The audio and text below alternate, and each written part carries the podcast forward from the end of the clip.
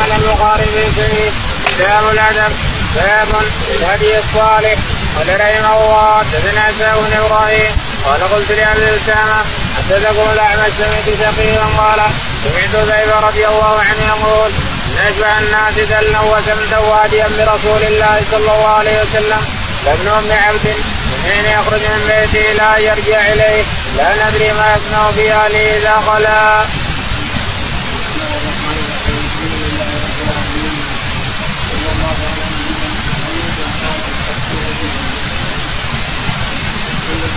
حافظ عبد الله بن قول رحمه الله وكتابه ذات كتاب الادب المستقيم رحمه الله تعالى باب باب في الهدي الصالح باب في الهدي الصالح ان الهدي الصالح مطلوب من المسلم يتبع الانسان الهدي الصالح يسلك الهدي الصالح يسلك الطريق الصالح يدل الناس عليه يكون امام كان كذلك ومنزلة الأنبياء إذا كنت إمام كذلك في الهدي الصالح والطريق الصالح يقول البخاري رحمه الله حدثنا هذا إبراهيم حافظ بن إبراهيم ابو قال حدثنا أبو أسامة حماد قال حدثنا الاعمش سليمان قال حدثنا يقول قال سمعت زيد يقول إن الناس صلوا وسلموا وهدوا الرسول صلى الله عليه وسلم.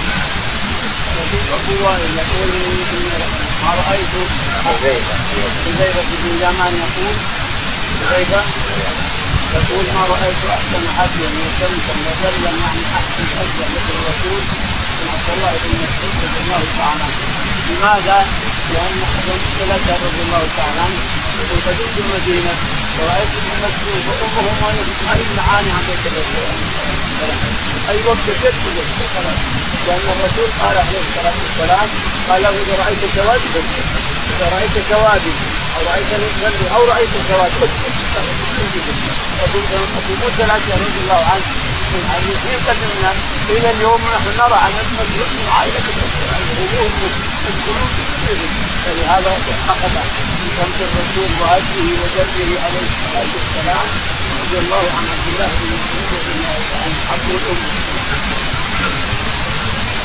قال رحمه الله حدثنا ابو الوليد قال حدثنا شعبة بن خالد قال سمعت طارقا قال قال عبد الله رضي الله عنه إن أحسن الحديث كتاب الله وأحسن الهدي هدي محمد صلى الله عليه وسلم. البخاري رحمه الله حدثنا ابو الوليد قال حدثنا شعبه شعبه بن الحجاج الثقفي قال حدثنا طارق طارق طارق طارق طارق البخاري طارق خالد قال سمعت طارقا عن طارق عن طارق بن زياد قال عن عبد الله عبد الله بن مسعود رضي الله تعالى قال قال ان احسن الحديث كتاب الله يقول ابن مسعود رضي الله تعالى عنه ان احسن الحديث كتاب الله وخير الهدي هدي محمد صلى الله عليه وسلم وشر الأمور محدثاتها خطبه كانت الرسول عليه الصلاه والسلام خطبه طويله بها الناس الان الاخوان يخطبون بجمع يخطبون فيها خطبه الرسول عليه الصلاه والسلام الا انها خطبه الحاجة الخطبه هذه قد ما يخطب فيها الرسول في المنبر على الجمعه انما يخطب فيها بالحاجة يعني في النكاح الحمد لله نحمده ونستعينه ونستغفره ونعوذ بالله من شرور انفسنا ومن سيئات اعمالنا من يهده الله فلا مضل له ومن يضلل فلا هادي له ثم يذكر أن خير الهدي هدي محمد وخير الأمور المحدثات وكل مبتدع البدع إلى آخره. هذه قائمة يخطب بها الصحابة رضي الله عنهم.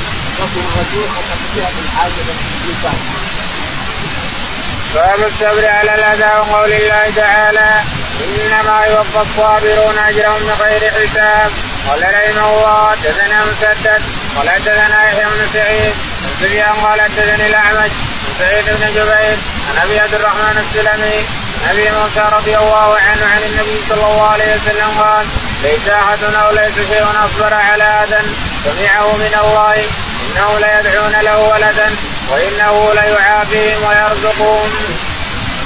قال رحمه الله حدثنا باب الصبر على الأذى. باب الصبر على الأذى ولهذا تعالى وصفه الصبر اخلق يقول الحديث القدسي اخلق ويعبد غيري وارزق يسجد سواي فيبي الينا اليهم نازل تحببوا اليهم بالنعم ويتفقهون اليه في المعاصي هذا ورد في حديث عند حديث يقول رحمه الله حدثنا قول الله تعالى إنما يوفى الصابرون تفسير قوله تعالى إنما يوفى الصابرون أجرهم بغير حساب. يعني في الآخرة يوفون أجرهم في الآخرة غير حساب. الصابرون على ما ياتيهم من الأذى. قال حدثنا مسدد. قال حدثنا مسدد بن مسرحد قال حدثنا يحيى بن سعيد. قال قال سفيان الثوري. يحيى بن سعيد القطان عن الناصر قال حدثنا سفيان الثوري. سفيان الثوري. قال عن الاعمش سليمان قال سعيد بن جبير. سعيد بن جبير. قال عن أبي عبد الرحمن السلمي عن أبي عبد الرحمن السلمي قال عن أبي موسى الأشعري. عن أبي موسى الأشعري رضي الله تعالى عنه. إن النبي عليه الصلاة والسلام قال ليس أحد أو ليس شيء اكبر على عدم الله يقول عليه الصلاة والسلام ليس أحد أو ليس شيء اكبر اذى سمعه من الله تعالى وتقدم ولهذا يقول في الحديث القدسي كما مر أخلق ويحدث غيري وارزق الجوال خير إليه نازل وجنه إليه صاعد. أتحببت لهم بالنعم ويتبغضون الي ويتبعد عني بالمعاصي إلى اخره لازم الصبر ما أحد اكبر من الله على عدم سمعه ويحمل إليه الولد وهو تعالى وتعالى. لا ولد له ولا والد. وانه ليعافيهم ويرزقهم ومع هذا يكون اليه ولد يسكونه. ومع هذا يعافيهم ويرزقهم قال رحمه كريم الجواد صاحب منه وفضل وعطف وحنان. على عباده يصلح ما يدري من عباده يصلح مساكين يصلح مساكين قال رحمه الله دثنا عمر بن حفص قال حدثنا أبي قال حدثنا الاعمش قال سمعت شقيقا يقول قال عبد الله رضي الله عنه قسم النبي صلى الله عليه وسلم قسمة قبل ما كان يقسم. وقال رجل من الأنصار والله إنها لقسمة ما أريد بها وجه الله. قلت أنا فلا أقولن للنبي صلى الله عليه وسلم. فاتيت وهو باصحابه فساررت فشق ذلك على النبي صلى الله عليه وسلم فتغير وجهه وغضب حتى وددت أني لم أكن أخبرته ثم قال قد أوذي موسى بأكثر من ذلك فصبر. عمر بن حفص عمر بن حفص. بن قال حدثنا أبي حفص حفص بن قال حدثنا قال حدثنا أبو وائل أبو وائل قال عبد الله عن عبد الله بن مسعود رضي الله عنه قال قدم النبي صلى الله عليه وسلم خطبه كبعض الناس يقول النبي عليه الصلاة والسلام قد قدم خطبه في بعض المغازي لها واعطاها أكثر وهذا أكثر عن القبائل لعل وقومه يسلمون. لأنه إذا اعطى رئيس القبيله أسلم من وراءه ومن تبعه يسلمون. الاقرع بن حابس وابن خالد بن بدر وغيرهم. أعطاهم على اسناد وهذا من اسناد وهذا غنم بين جبلين وراح يطيح إلى قومه يا قوم اسلموا فإن محمد لا يقتل البقر اعطاه غنم بين جبلين. هذا المقصود عليه الصلاة والسلام أن يسلم من وراءه فقام واحد ليس من الأنصار. من هنا؟ يقول من الأنصار خطأ. الأنصار يحبون الرسول عليه الصلاة والسلام ويتكلمون بشيء بل يسلمون له ويؤمنون له ويحبون حب احد من أولادهم وابنائهم وأنفسهم. لكن هذا منافق من المنافقين. إلا إن كنا انه كان من الأنصار وصار منافق والله أعلم. الشاهد أن هذا قال ان هذه الكلمة موجوده في وجه الله. فقال عبد الله بن مسعود سمعها لو بلغن الرسول عليه الصلاة والسلام. فذهب وأخبر الرسول سرا. فرسول الله فلان قال كذا وكذا. رحم الله أخي موسى. يتمعر وجهه من الغضب. وقال رحم الله أخي موسى. وقد بلي بأكثر من هذا الغضب. أخي موسى قد بلي بأكثر من هذا باب من لم يواجه الناس بالحساب. قال رحمه الله حدثنا عمر بن حفص قال حدثنا ابي قال حدثنا الاعمش قال حدثنا مسلم مسروق قالت قالت عائشه صنع النبي صلى الله عليه وسلم شيئا فرقص به فتنزع عنه قوم فبلغ ذلك النبي صلى الله عليه وسلم فخطب وحمد الله ثم قال ما بال اقوام يتنزهون عن الشيء يصنعه والله اني لا اعلمهم بالله واشدهم له خشيه. البخاري رحمه الله قاضي لم يواجه الناس ولم يواجه الناس بالعتاب بالعتاب حدثنا عمر بن حفص عمر بن حفص بن زياد قال حدثنا ابي حفص عن ابي حفص بن هلال قال حدثنا الاعمش الاعمش قال عن مسلم بطيء قال عن مسروق عن مسعود بن ادفع قال عن عائشه عن عائشه رضي الله تعالى عنها ان النبي عليه الصلاه والسلام صنع النبي صلى الله عليه وسلم شيئا فرقص فيه منع النبي عليه الصلاه والسلام شيئا فرقص فرقص فيه ومنعه الناس مثل جرات قالوا انما نقدر نفعله ليش يعني بزحفه انتبهت النبي كانه فعله بخاص به فخطب عليه بلغه خطب عليه الصلاه والسلام فما بال الناس يتنبهون من شيء افعله أنا يفعله الرسول خلاص يجب ان نفعله ولا يجوز أن نقول هذا ما القصد به أو هذا الا إذا قال من قصده إذا قال إنه خاص به نعم. هو قصد به بل يفعله لازم نقتدي به امه محمد الأمم كلها يجب أن تقتدي بما فعل عليه الصلاة والسلام وما أمر وما نهى. يجب أن يقتدي بامه محمد. إلا إذا قال إنه إذا رأينا أنه خاص وتكلم الصحابة بأن هذا شيء خاص به عليه الصلاة والسلام وخصوصيات جماعة في كتاب يسمى خصائص الرسول عليه الصلاة والسلام. خمسمائة خصوصة لكن الشيء يفعله. ولا يقول خاص به يجب أن يقتدى به ولا نقول إنه ما نفعله لأنه كذا أو كذا أو كذا. وأصبح عليه الصلاة والسلام وخطب الناس وقد نفى لأناس يشتهون أو يتربون من شيء افعله أنت. من امساكم لله واتقاكم له نعم والله. نعم والله احسانا لله واتقاهم لله وأكرمهم عليه الصلاة والسلام. الذي يفعله يجب أن يفعله المسلمون الذي حتى إلى يوم القيامة. الاباء والأجداد والأولاد إلى يوم القيامة. إذا فعل الرسول شيء أو أمر بشيء يجب أن نفعله إلى يوم القيامة. وما نهانا عنه إلى يوم القيامة. قال رحمه الله حدثنا عبدان قال أخبرنا عبد الله قال أخبرنا شعبة عن قتاده قال سمعت عبد الله بن أبي عتبة مولى أنس عن أبي سعيد الخدري رضي الله عنه قال كان النبي صلى الله عليه وسلم أشد حياء من الابراء في صدرها إذا راى شيئا يكره عرفناه في وجهه. يقول البخاري رحمه الله حدثنا؟ عبدان عبدان قال حدثنا؟ عبد الله بن مبارك عبد الله بن مبارك. قال حدثنا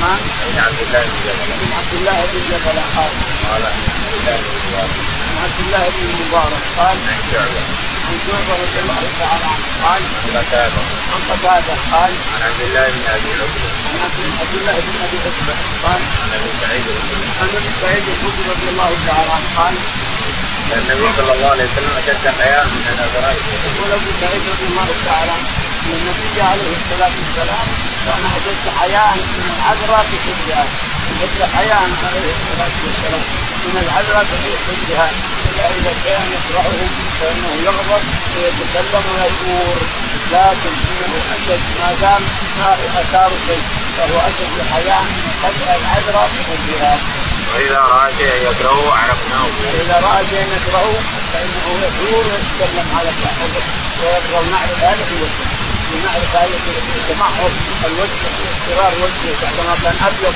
ناصر يبدا نور يتلون من الاصفرار. باب من كفر أخاه بغير تاويل وهو كما قال قال رحمه الله حدثنا محمد وأحمد بن سعيد قال حدثنا عثمان بن عمر قال أخبرنا علي بن مبارك يحيى بن أبي كثير عن أبي سلمة عن أبي هريرة رضي الله عنه أن رسول الله صلى الله عليه وسلم قال إذا قال الرجل لأخيه يا كافر فقد باع به أحدهما. وقال عكرمه بن عمار يحيى عبد الله بن يزيد أنه سمع أبا سلمة أنه سمع أبا هريرة رضي الله عنه النبي صلى الله عليه وسلم قال حدثنا إسماعيل قال حدثني مالك عبد الله بن دينار عبد الله بن عمر رضي الله عنهما. أن رسول الله صلى الله عليه وسلم قال ايما رجل قال لأخيه يا كافر فقد باع بها أحدهما. يقول البخاري رحمه الله حدثنا باب من كفر أخاه بغير كفر أخاه بدون دليل يعني بدون استقام بدون شيء ينكره عليه. يقول يا كافر حصل من اليوم يقول اسكت يا كافر اسكت يا كافر اسكت اللي جئتنا نبي هو ما معه دليل على كفره ولا كفر. فهو كما قال. هو كما قال. هو نفسه كما قال. كافر الا اذا كان المقابل كافر حقيقة فهو كافر خلاص. وإلا فيرجع الكلمة على صاحبه على من قالها. يقول البخاري رحمه الله حدثنا أحمد ومن أحمد ومن محمد. قال قال حدثنا عثمان. حدثنا عثمان.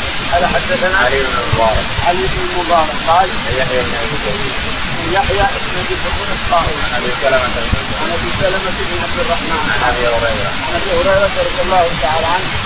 النبي عليه الصلاة والسلام قال إذا قال الرجل لاخيه يا كافر فقد باع به وحده يقول عليه الصلاة والسلام إذا قال الرجل المسلم لأخيه يا كافر عند الخصام وعند شيء وهو كما قال. إن كان إنه كافر الملقابل كافر فهو كافر. وان كان ما هو كافر اسكت على اللي قالها وتكون كلمه على على اللي قالها وصار كافر احد ما يكفر ما يخرج من الإسلام من الخصام الاتفاق أو كلمة يقولها ما يخرج إلا إذا كفر بشيء يكفره يخرجه من الاسلام قال حدثنا إسماعيل. قال حدثنا إسماعيل. قال حدثنا مالك اسماعيل بن ابي ويسع قال حدثنا مالك بن مالك قال حدثنا عبد الله بن دينار عبد الله بن دينار عن عبد الله بن عبد الله بن عمر رضي الله عنه قال أن رسول الله صلى الله عليه وسلم قال ايما رجل قال لاخيه يا كافر فقد به يقول ابن عمر رضي الله تعالى عنه ان النبي عليه الصلاه والسلام قال اي انسان قال لاخيه يا كافر مسلم قال له يا كافر مع حسام أو غضب أو شيء فان الكافر الذي تكلم انت لم يكن هذا كافر وان يكون المقابل ان يلقى عليه الكلام كافر اقبل وان يسلم على من قال ما فيها احد الاثنين قال رحمه الله حدثنا موسى بن إسماعيل قال حدثنا وهيب قال حدثنا أيوب عن أبي كلاب عن ثابت بن الضحاك رضي الله عنه النبي صلى الله عليه وسلم قال من حلف بملة غير الإسلام كاذبا فهو كما قال ومن قتل نفسه بشيء نزل به في نار جهنم. ولعن المؤمن كقتله ومن رمى مؤمنا بكفر فهو كقتله. يقول البخاري رحمه الله حدثنا موسى بن اسماعيل موسى بن اسماعيل السجستي قال حدثنا وهيب بن خالد وهيب بن خالد قال حدثنا ايوب السختياني ايوب السختياني قال حدثنا ابو قلابه ابو قلابه الجرمي قال حدثنا ثابت بن الضحاك ثابت بن الضحاك قال النبي صلى الله عليه وسلم قال من حلف بالله غير الاسلام كاذبا يقول ثابت ان النبي عليه الصلاة والسلام قال من حلف بمله غير الإسلام فهو مقال واللات والعزى فهو مقال. لكن أمر الرسول عليه الصلاة والسلام أن يقول لا إله إلا الله. إذا حلف بمله غير الإسلام فقل لا والعزى كان صادقا فيقول لا إله إلا الله. وإن كان مازحا فليقل لا إله إلا الله. سواء جاد أو هذا لازم يحمد الله سبحانه وتقدس ويقصد ما قال الكلمة هذه قد تأتي إلى الكفر. لكن إذا قال لا إله إلا الله خرج إن شاء الله ما قال ويمسحت عنه الذنوب. يمسح عنه الذنب الذي قاله. من قتل نفسه بشيء من قتل نفسه بحديده أو سم أو شيء جاء يوم القيامة يقتل نفسه بما قتل قتلت نفسك في الدنيا تقتل نفسك في الآخرة تعذيبا نعوذ بالله بتعذيب واي تعذيب في جهنم. ملاقاة رب العالمين. عريان. تأتيه عريان. يقوم فلان من فلان. فإذا قام عريان كلف قتل نفسه إلى ولعن المؤمن بقتله ولعن المؤمن بقتله لعنك الله كأنك قتلت والإنسان. ليس لعن قتله ليس. لأن اللعنة قد ترجع على صاحبها كما أخبر عليه الصلاة والسلام. ومن رمى مؤمنا بكفر فهو كقتله من رمى مؤمنا بكفر فهو كما قال. فهو ترجع على كلمته إلا إذا كان المقابل الملقى عليه الكلام كافرا فكذلك. وهو نبي كافر ترجع في الكلمة على القائل. باب من لم ير إكفار من قال ذلك متأولا أو جاهلا قال من لعاظم إنه منافق. وقال النبي صلى الله عليه وسلم ما أدريك لعل الله قد اطلع على أهل بدر. وقال قد غفرت لكم. قال رحمه الله. حدثنا محمد بن عبادة. قال أخبرنا أبي. قال أخبرنا سليم. قال حدثنا عمرو بن دينار قال حدثنا جابر بن عبد الله رضي الله عنهما أن معاذ بن جبل رضي الله عنه كان يصلي مع النبي صلى الله عليه وسلم ثم يأتي قومه فيصلي بهم الصلاة فقرأ بهم البقرة قال فتجوز رجل فصلى صلاة خفيفة فبلغ ذلك معاذا فقال إنه منافق فبلغ ذلك الرجل فأتى النبي صلى الله عليه وسلم فقال يا رسول الله قوم نعمل بايدينا ونكفي بنواضحنا وان معاذ صلى من الباريه فقرا البقره فتجوزت فزعم اني منافق فقال النبي صلى الله عليه وسلم يا معاذ أفتان أنت ثلاثا اقرأ والشمس وضحاها وسبح اسم ربك الأعلى ونهواها. يقول البخاري رحمه الله حدثنا وهو الذي يرى إفطار من قال ذلك باب من لم يرى افطار من قال ذلك متأولا لا قاصدا لا عامل فالمتأول ما يفطر لا تفهم منع من الملة إلا اشياء يكتبها بقلبك الانسان حتى يرجعه وتلفظ بهذه الكلمة وهي كفر حينئذ تكون كافر. اما انك تلفظ بذلك بكلام تقول يا كافر يا ولا لعن ولا كيف اللعن ما يكفر وبقول لأخيه يا كافر ما يكفر لأن هذا ما يكفره. الذي اعتقد بقلبه بالله أو تلفظ بلسانه يكفر يقول البخاري رحمه الله حدثنا؟ وقال عمر بحافظ إنه منافق وقال استدل البخاري رحمه الله بأنه ما يكفر قول عمر رضي الله تعالى عنه حافظ بن أبي بلتعه القيسي لما كتب إلى كفار قريش لما عزم الرسول عليه الصلاة والسلام أن يغزو مكة ودعا ربه أن يأخذ العيون عن أهل مكة. على كان يهديهم بغته ما دريوا به. فأخذ الله العيون كلها. حتى حافظ كتاب حافظ حافظ رضي الله عنه.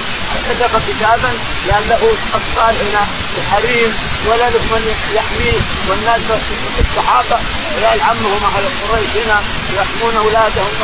فكان فكتب الشيطان رجعه. ابن آدم نربة لرشد الشيطان ولعب الشيطان.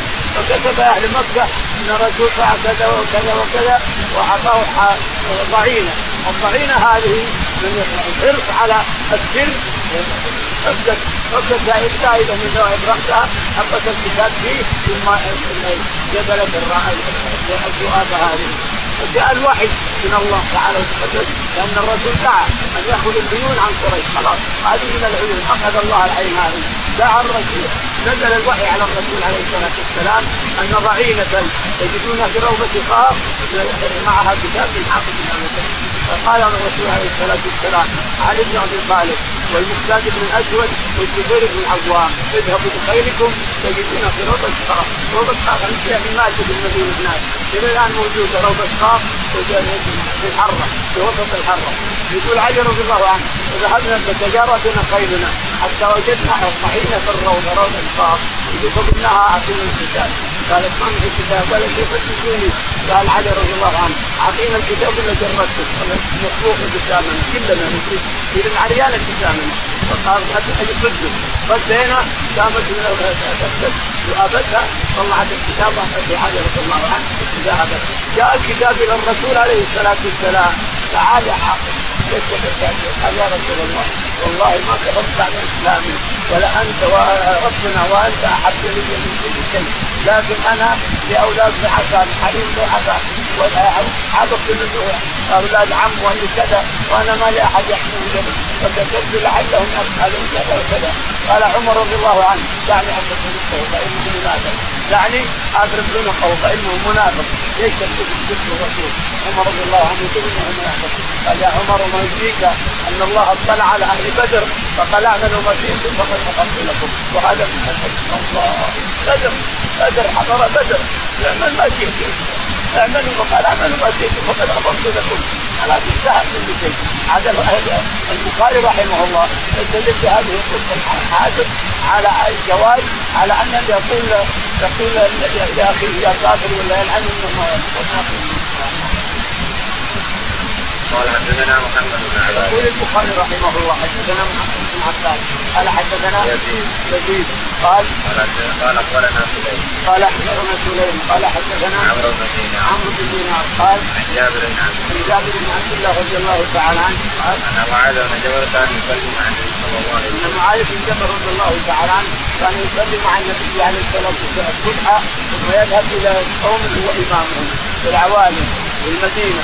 يذهب اليهم ويقرا في سورة البقرة. والاحد يعني جزاه الله خير حافظ اجابه خمس فكان يقرأ يصلي الفجر مع الرسول ثم يذهب ويصلي فدل بهذا كثير من العلماء أن صلاه النافلة الصلاة الفريضة وراء من يصلي النافلة جائز في هذا الحديث. ولكن الإمام أحمد والإمام الشافعي والإمام مالك يقولون هذا خاص بمعاذ بن جبل لا يمكن أن يقتدى به. هذه المسألة خاصة بمعاذ بن جبل لا يمكن أن يقتدى بها. قال الزركشي هذا خاص ومن قال إنه عام فعليه الدليل. من قال انها دليل للناس ولامه محمد فعليه الدليل يأتي بدليل آخر. إلا الرسول جعلها خاصه له لا يقتدى به. والشاهد أنه قال يا صلى البقرة. قرا البقرة. فجاء رجل من أهل الحدائق عنده ناضح يسري بعرينه يصب الماء بالتركه ثم يفجر الماء وأصبح الصباح على الحدائق. ومعاد وطلع الشمس والصباح قام وقطع الصلاه رجل رجل قطع الصلاه صلى يقول والله واحد يسلم قيل لمعاذ ان فلان قطع الصلاه وترك وقال صلى على الحرام قال ذاك المنافق جاء الرجل إلى الرسول عليه الصلاه والسلام قال يا رسول الله نحن اهلنا واضح. نغسل نغسل ونطلع من الدين ونغسل نفجر الماء على الحدائق على الدين والصبح ونتعب ونجي نصلي وراء معاذ يقرأ من البقرة. كيف لك؟ إحنا النواضح مرتفع بالمسجد بالمنحات النواضح اثنين بعيدين مرتفع بالمنحات تصلي وراء. فتطلع بنفسك قال أفتان أنت يا محمد. هذه هذا يوم لجميع من فعل من التعالي يوم جميع إمام يريد يصير الصلاة يوم له. قال يا معاذ أفتان أنت اقرأ بسرك اقرأ بغاشية فإن الناس يروحون لك قالهم يترك الناس يروحون يصلون معك الفريضة يحصلون أجل الفريضة. ويذهب قال رحمه الله حدثنا اسحاق قال حدثنا ابو المغيرة قال حدثنا الأوزاعي قال حدثنا الزهري عن حميد بن ابي هريرة رضي الله عنه قال قال رسول الله صلى الله عليه وسلم من حلف منكم فقال في حلفه باللات والعزى فليقل لا إله إلا الله ومن قال لصاحبه تعالى قال منك فليتصدق. قال رحمه الله حدثنا نعم اسحاق بن اسماعيل اسحاق بن إبراهيم بن راهويه قال حدثنا ابو المغيره ابو المغيره قال قال حدثنا الاوزاعي قال حدثنا الاوزاعي قال قال حدثنا الرحمن بن عمرو قال حدثنا الزهري الزهري قال حميد بن عبد الرحمن عن حميد بن عبد الرحمن قال عن ابي هريره عن ابي هريره رضي الله تعالى قال رسول الله صلى الله عليه وسلم قال من حلف منكم فقال في حلف بالله والعزى فليقل لا إله إلا الله. يقول الرسول عليه الصلاة والسلام حلف منكم. وقال بحلفه واللات والعزى فليقل لا إله إلا الله تستغفره خلاص. يعني سواء جاد أو هاشم قلت الانسان جاد فإنك تخرج من إذا لم تقل لا إله إلا الله. وان قلت هاشم كلها واحد. فلتقل لا إله إلا الله إذا نسيت الشرك قلت اللات والعزى وخرجت من مقصود الإنسان. قال لأخيه تعال قامرك ومن قال لأخيه تعال لأخيه تعال قامرك. أو عقل وياك الماء بالفلوس ولا بشيء. نلعب وياك. فقد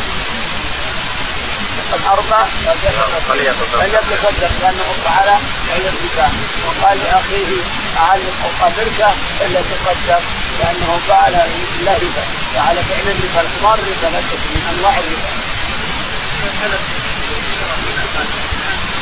باب ما يجوز من الغضب والشدة لأمر الله قال الله تعالى يا أيها النبي جاهد الكفار والمنافقين واغلظ عليهم. قال رحمه الله ياسرة بن صفوان قال حدثنا إبراهيم بن الزهري عن القاسم عن عائشه رضي الله عنها قالت دخل علي النبي صلى الله عليه وسلم في البيت غلام فيه سوره فتلون وجهه ثم تناول الكتاب فعتكه وقالت قال النبي صلى الله عليه وسلم من أشد الناس عذابا يوم القيامة الذين يصورون هذه الصور. يقول البخاري رحمه الله حدثنا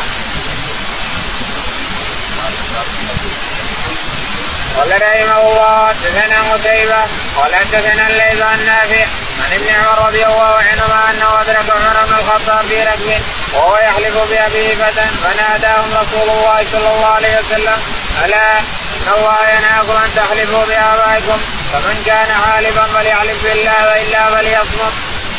يقول البخاري رحمه الله حدثنا قتيبة بن سعيد قتيبة بن سعيد الثقفي البغلاني قال حدثنا الليث بن سعيد الليث بن سعد المصري.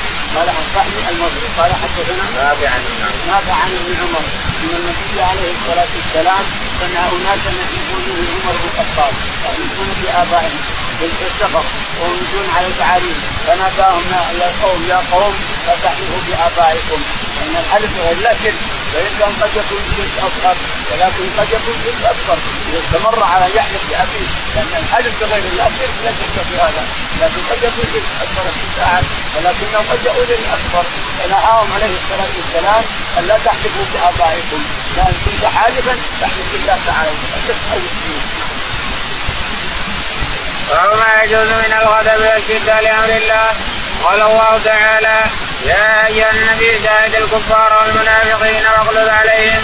قال رحمه الله دثنا ذكرة بن صفوان قال دثنا إبراهيم السوري عن القاسم عن عائشة رضي الله عنها قالت دخل علي النبي صلى الله عليه وسلم في البيت قراء به سورة فتلون وجهه ثم دنا ولا الستر فاتكه وقالت قال النبي صلى الله عليه وسلم من شد الناس عذابا يوم القيامة الذين يصورون هذه الصور.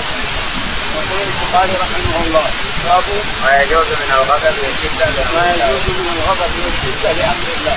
يعني يغضب الإنسان من الجد يتكلم بعد على المقابل يتكلم عليه بغضب والشده اذا كان لامر الله وان كان لازاله المنكر يقول البخاري رحمه الله حدثنا؟ وقول الله تعالى يا أيها النبي جاهد وقول الله تعالى يا أيها النبي جاهد الكفار والمنافقين كيف أيضا إذا كان منكر يخاف على المسلمين مقتل الذي يفعل هذا إلى آخره. الشاهد ان المنكر له أحوال. المنكر قد يكون له أحوال شديد فيقتل بالسيف ما هو شديد يضرب بالعصا. ما هو شديد من كلام الشديد أيضا إلى آخره. يقول البخاري حدثنا يكرة بن صفوان. حدثنا يكرة بن صفوان. قال حدثنا إبراهيم. إبراهيم قال عن الزهري. عن الزهري قال عن القاسم بن محمد. عن القاسم بن محمد بن أبي بكر الصديق رضي الله تعالى عنه. اخو عائشة. وأمه وامه جميل رضي الله عنها اسمى بنت اميه قال عن عائشة. عن عائشة رضي الله عنها. قالت دخل علي النبي صلى الله عليه وسلم وفي البيت جراب قالت دخل علي الرسول عليه الصلاة والسلام في صوره فرقه أو سجاده في صوره فغضب فغضب وقال ما هذا؟ قالت اتوب إلى الله ثم اليك يا رسول الله قال هذا اتوب عنا هذا يقول عائشه رضي الله تعالى عنها انها شدتها الناس وجعلتها مقدات واشتد عليها معنى هذا ان الصورة اذا اهينت جعلت بالتراب ثم دعت عليها ما في اثر وإذا مقاد نسبت عليها لا بأس لأنها أهينت خلاص. لكن كونها ترفع وتكبر هذا ما يمكن. لكن تهينها تدعس عليها برجلين تقاطعها تقاطعها ما في شيء. يكون تتكي عليها أيضا ما في شيء. عليك مخدات يتكي عليها عليه الصلاة والسلام. ولكن الصور ممنوعة. لعن الله صاحب الصور. ومن المؤسف أن المملكة مليانة من الفيديوهات اللي يصورون ويعرفون أنهم ملعونين ولا يبالون إلى اخره. قال قال النبي صلى الله عليه وسلم من اشد الناس عذابا يوم القيامة الذين يصورون هذه يقول النبي عليه الصلاة والسلام إن من اشد الناس عذابا يوم القيامة الذين يصورون الصور. يعني يظاهرون خلق الله. يعني يظاهرون خلق الله. وإن كان بعض العلماء يرى أن الصورة التي في ورقه أو في جريده أو في شيء أنها هذه تسمى ظل لا تسمى صورة. هذا ما عندي دليل. ما في دليل لأن النبي عليه الصلاة والسلام لعن المصورين ولا قصر واللعن عام ما قصر ولكن يتخذونها رجعا لهم أو دليل لعلها تخفف عنهم ما يمكن. لعن الله المصورين سواء تصور جريده أو تصور بقلم أو تصور بكاميرا أو تصور بفيديو أو تصور بأي حاجة أي صورة أي حالة. سويت بها صورة. وجه إنسان يكتبه فأنت مسؤول إنسان. سويت وجه إنسان لو قطعت الراس ما يخالف لأنه يصير جدا يصير كانه خلقته من البيت تفتح الرأس الوجه ازل جدا فإذا ازلت الوجه صارت من صوره تسمع عليك الانسان تريد يعني تريد ان تصور هذا وإلا بأي حالة صورت صورة بأي قلم أو بكاميرا أو بأي شيء فهو مملوك فانت ملعون الإنسان.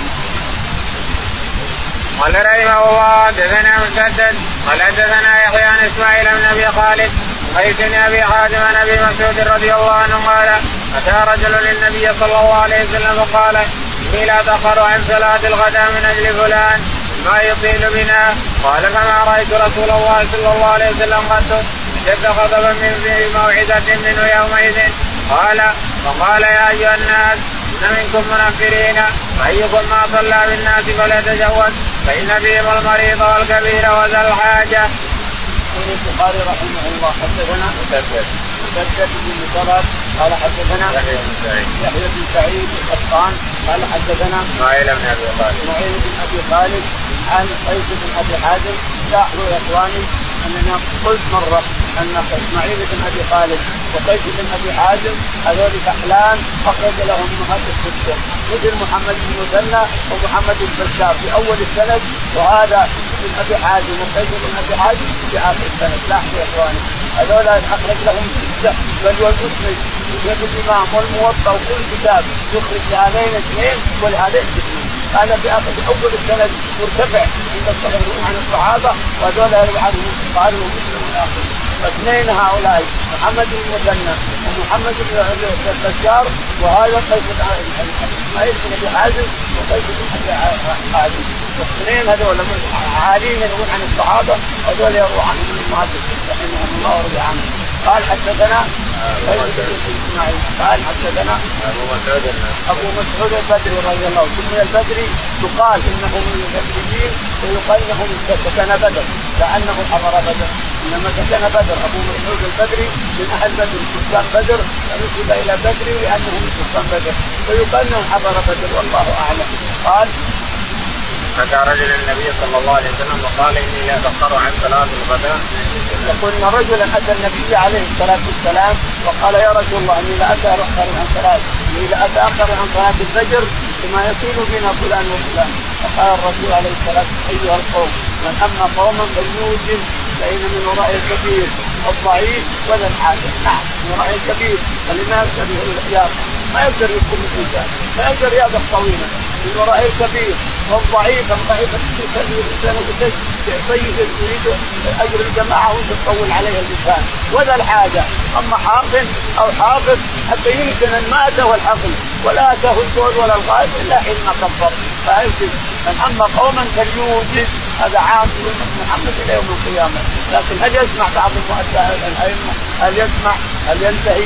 بعض الأئمة يطول حتى لو هو الحديث والرسول لما أما قوما فليوجد فإن من وراء الكبير والضعيف ولا حاجة قال رحمه الله حدثنا موسى بن إسماعيل قال حدثنا جوهري أن عن عبد الله رضي الله عنه قال بين النبي صلى الله عليه وسلم يصلي رأى في قبلة المسجد نقامة فحكى بيده فتغير ثم قال إن أحدكم إذا كان في الصلاة فإن الله حيال وجهه فلا يترحمن حيال وجهه في الصلاة. يقول البخاري رحمه الله حدثنا موسى بن إسماعيل موسى بن اسماعيل قال حدثنا زويرة بن زويرة بن أبي اسمع قال حدثنا نافع نافع عن ابن عمر أن النبي عليه الصلاة والسلام رأى في في قبله المسجد في الجدار قبلة المسجد قام سافر أحد الناس وقام يحث عليه الصلاة ناجله وكما يحث عليه الصلاة والسلام ويقول فيبصقن أحدكم من قبلة المسجد فإن الله قدامه أمامه الله أمامه. ابن كثير الباري بن حجر رحمه الله أنكر هذا الحديث كانه يقول الله ما يصير امامه الله ما يصير يعني كأنه ينكر وجود الله تعالى يتبقى معنا في كل مكان. ما يمكن المعيه أو يمكن وجود الله مع كل انسان والشاهد ان الرسول قال فإن الله قبلة وجه فلا يصدقن في وجهه إلى آخره. ما ما نؤول شيء. يقول الرسول قال هذا عليه الصلاة والسلام ونؤمن بهذا وان الله موجود تعالى في كل مكان وجودا يليق بجلاله وعظمته ولا ننكر أن الله مع كل شيء ومع المجموعة من كل أحد. يليق بجلاله معية عامة ومعية خاصة.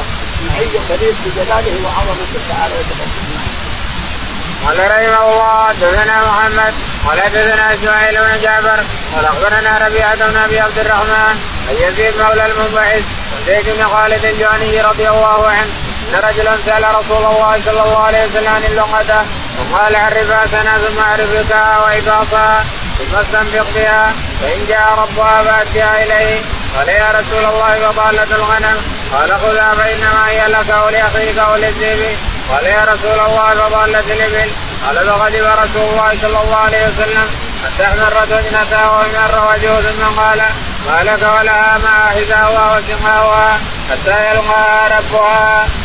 يقول البخاري رحمه الله باب تابع الاسباب. تابع حدثنا محمد محمد قال حدثنا بن جعفر إسماعيل بن جعفر قال حدثنا ربيعة بن إبراهيم ربيعة بن ابي الرحمن الإمام الحافظ هقه شيخ الشيخ أبي حنيفة وحماد بن أبي سلمة بن سليمان. حماد بن أبي سليمان أبي حنيفة شيخهم هذا الرجل ذهب أبوه مسافر يسوي مولود. واخذ مده طويله يوم جاء ولا على حلقه. ربته امه امه ربته حتى صار لا زمان. اجتمع الناس عليه في المسجد صار عليه حاجة يدخلون عليه. يوم جاء ابوه وين ابني؟ ترك في المسجد؟ ذكرها ذكرها هذا الأم اللي ربت ولدها وخايف خاف طفل وربته وربته حتى صار إمام وعلام الزمان عبد الرحمن. ربيعه بن ابي عبد الرحمن رحمه الله ورضي عنه علام الزمان جعله الله علام الزمان نعم ويزيد مولى بن عن يزيد مولى بن بعد. قال زيد بن خالد. عن زيد بن خالد الجهني رضي الله عنه قال رجلا سال رسول الله صلى الله عليه وسلم عن اللقطة. ان رجلا سأل الرسول عن اللقطة. قال يا رسول الله قال أنت اللقطة؟ قال اعرف وكاءها وكاء وكاءها الوكاء الحبل اللي وعظاتها الخرقه اللي هي فيها. الخرقه اللي فيها والحبل اللي مربوط به ثلاثة ربطه ثلاث أو اثنتين أو اعرف اللون. لون الحبل ولون الخرقه ما لونها؟ حمراء ولا بيضاء ولا واعرف اللي فيها. كانوا دراهم أو ذهب أو شيء أو سود ورد أو شيء من هذا. اعرف كم عدده واعرف أرقامه كله. عندك الدفتر الميزان ثم خذها. أما مكة فلا فليتم بالرفقه اللي يسال مكه غالب لا يدري اين ما يدرى أين يذهب فيها. من من افتاه قال ما أدري. حد يدري وين فيها لأن النبي عليه الصلاة والسلام لا قد ورا بعض ما تلتقط مكه لا تلتقط لقطتها ولا ولا ولا ينقر صيدها. مكة لا تلتقط لقطتها ولا ينقر صيدها. الانسان اذا اخذ لقطه يفلت. ما يدري يسويها ما حد يدري أنه لا حل ولا حرام. ما يدري ما حد يدري يسوي الانسان لأنه من لقط لغة مفوضات يقول أعرف حكاها حكاها وحفاظها وأعرف لونها وأعرف وش ثم اكتبها عندك في دفتر الإنسان. فإذا عرفتها كلها وفهمتها كلها من الشمس حينئذ تستمتع إذا مضى سنه انت تعرفها تستمتع تصير مثل مالك الإنسان. لكن إذا اتاك انسان ووصف هذه الصفات كلها افعلها فان كنت قد قربتها ونقدتها شيء يعطيك من الناس يعطيها الدين اذا وصفها بوصفها يعطيه اياها حتى لو بعد حتى لو سنه أو بعد قال يا رسول الله فضالة الغنم. فضالة الغنم. قال لك أو لا أو لك قال فضالة الإبل. فغضب عليه الصلاة والسلام. قال ما لك ولها؟ ترد الماء تأكل الشجر. مع ما لك ولها؟ البعير في البر يأكل الشجر يقطع على الحجارة لأن الله جعله خبز يقطع على الحجارة ويقطع على كل شيء. الماء وتاكل الشجر لك ولها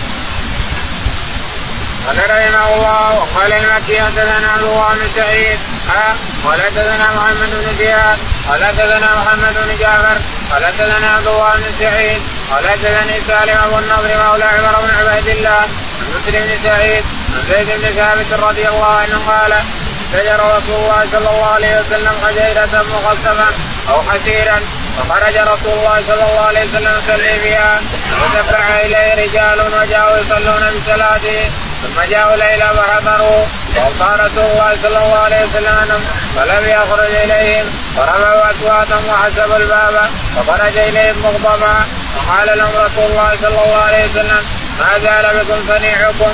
حتى ظننت أنه سيكتب عليكم وعليكم بالصلاه في بيوتكم. فإن خير صلاة المرء في بيته إلا الصلاة المكتوبة. يقول البخاري رحمه الله حدثنا المكي.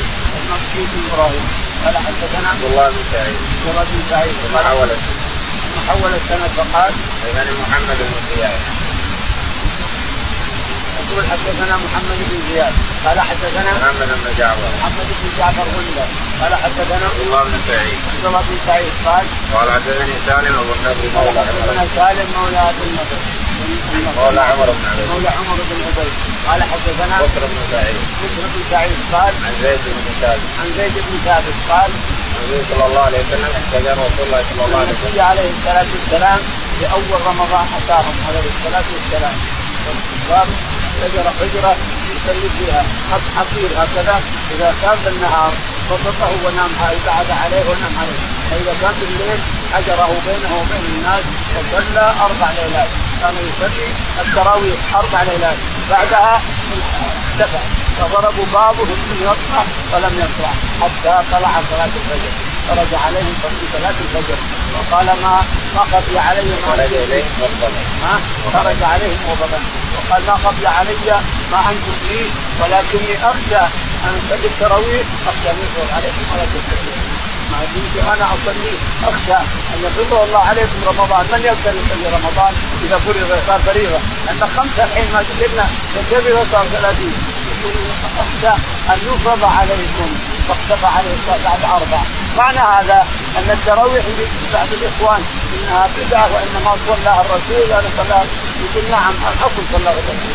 الاصل الرسول صلى أربع صلى أربع تراويح أيضا. وصلى ناس معه أول صلى بيحتميل ثم الليلة الثانية أكثر. ثم الليلة الثالثة ثم ابتلع المسجد. الرابعة ابتلع المسجد. ولولا خوف أن يفرض لصلى التراويح كله التراويح أصلها صلاها الرسول عليه الصلاة والسلام. ثم سنها عمر بن الخطاب والنبي عليه الصلاة والسلام يقول اقتدوا بالذين من بعدي أبي بكر وعمر. اقتدوا اقتدوا بالذين من بعدي أبي بكر وعمر. وما فعل أبو بكر هو من فعل الرسول وما فعله عمر هو من فعل الرسول عليه الصلاة والسلام. وعمر هو اللي سنع عمر رضي الله عنه وأرضاه. هو الذي ينجب الناس متفرقين من الناس يدرون ومن الناس يدرون ومن الناس يدرون قال لا يريد ان نجمعهم تعالى أبي انت إمام مسجد الرسول عليه الصلاة والسلام. بل الناس كثير ركعة. بل كثير ركعة. هذا كلام عمر بن الخطاب. فعلى المسجد الثاني بل مسجد الأنصار كثير ركعة. فصار الناس يصلون. وجابوا قناديل من ودك يحطون ودك يحطون خرقه فتيلة يحطون الفتيلة كلها بالودك يتبعون راسها تصير فوق بإذن الله. هنا واحد هنا واحد.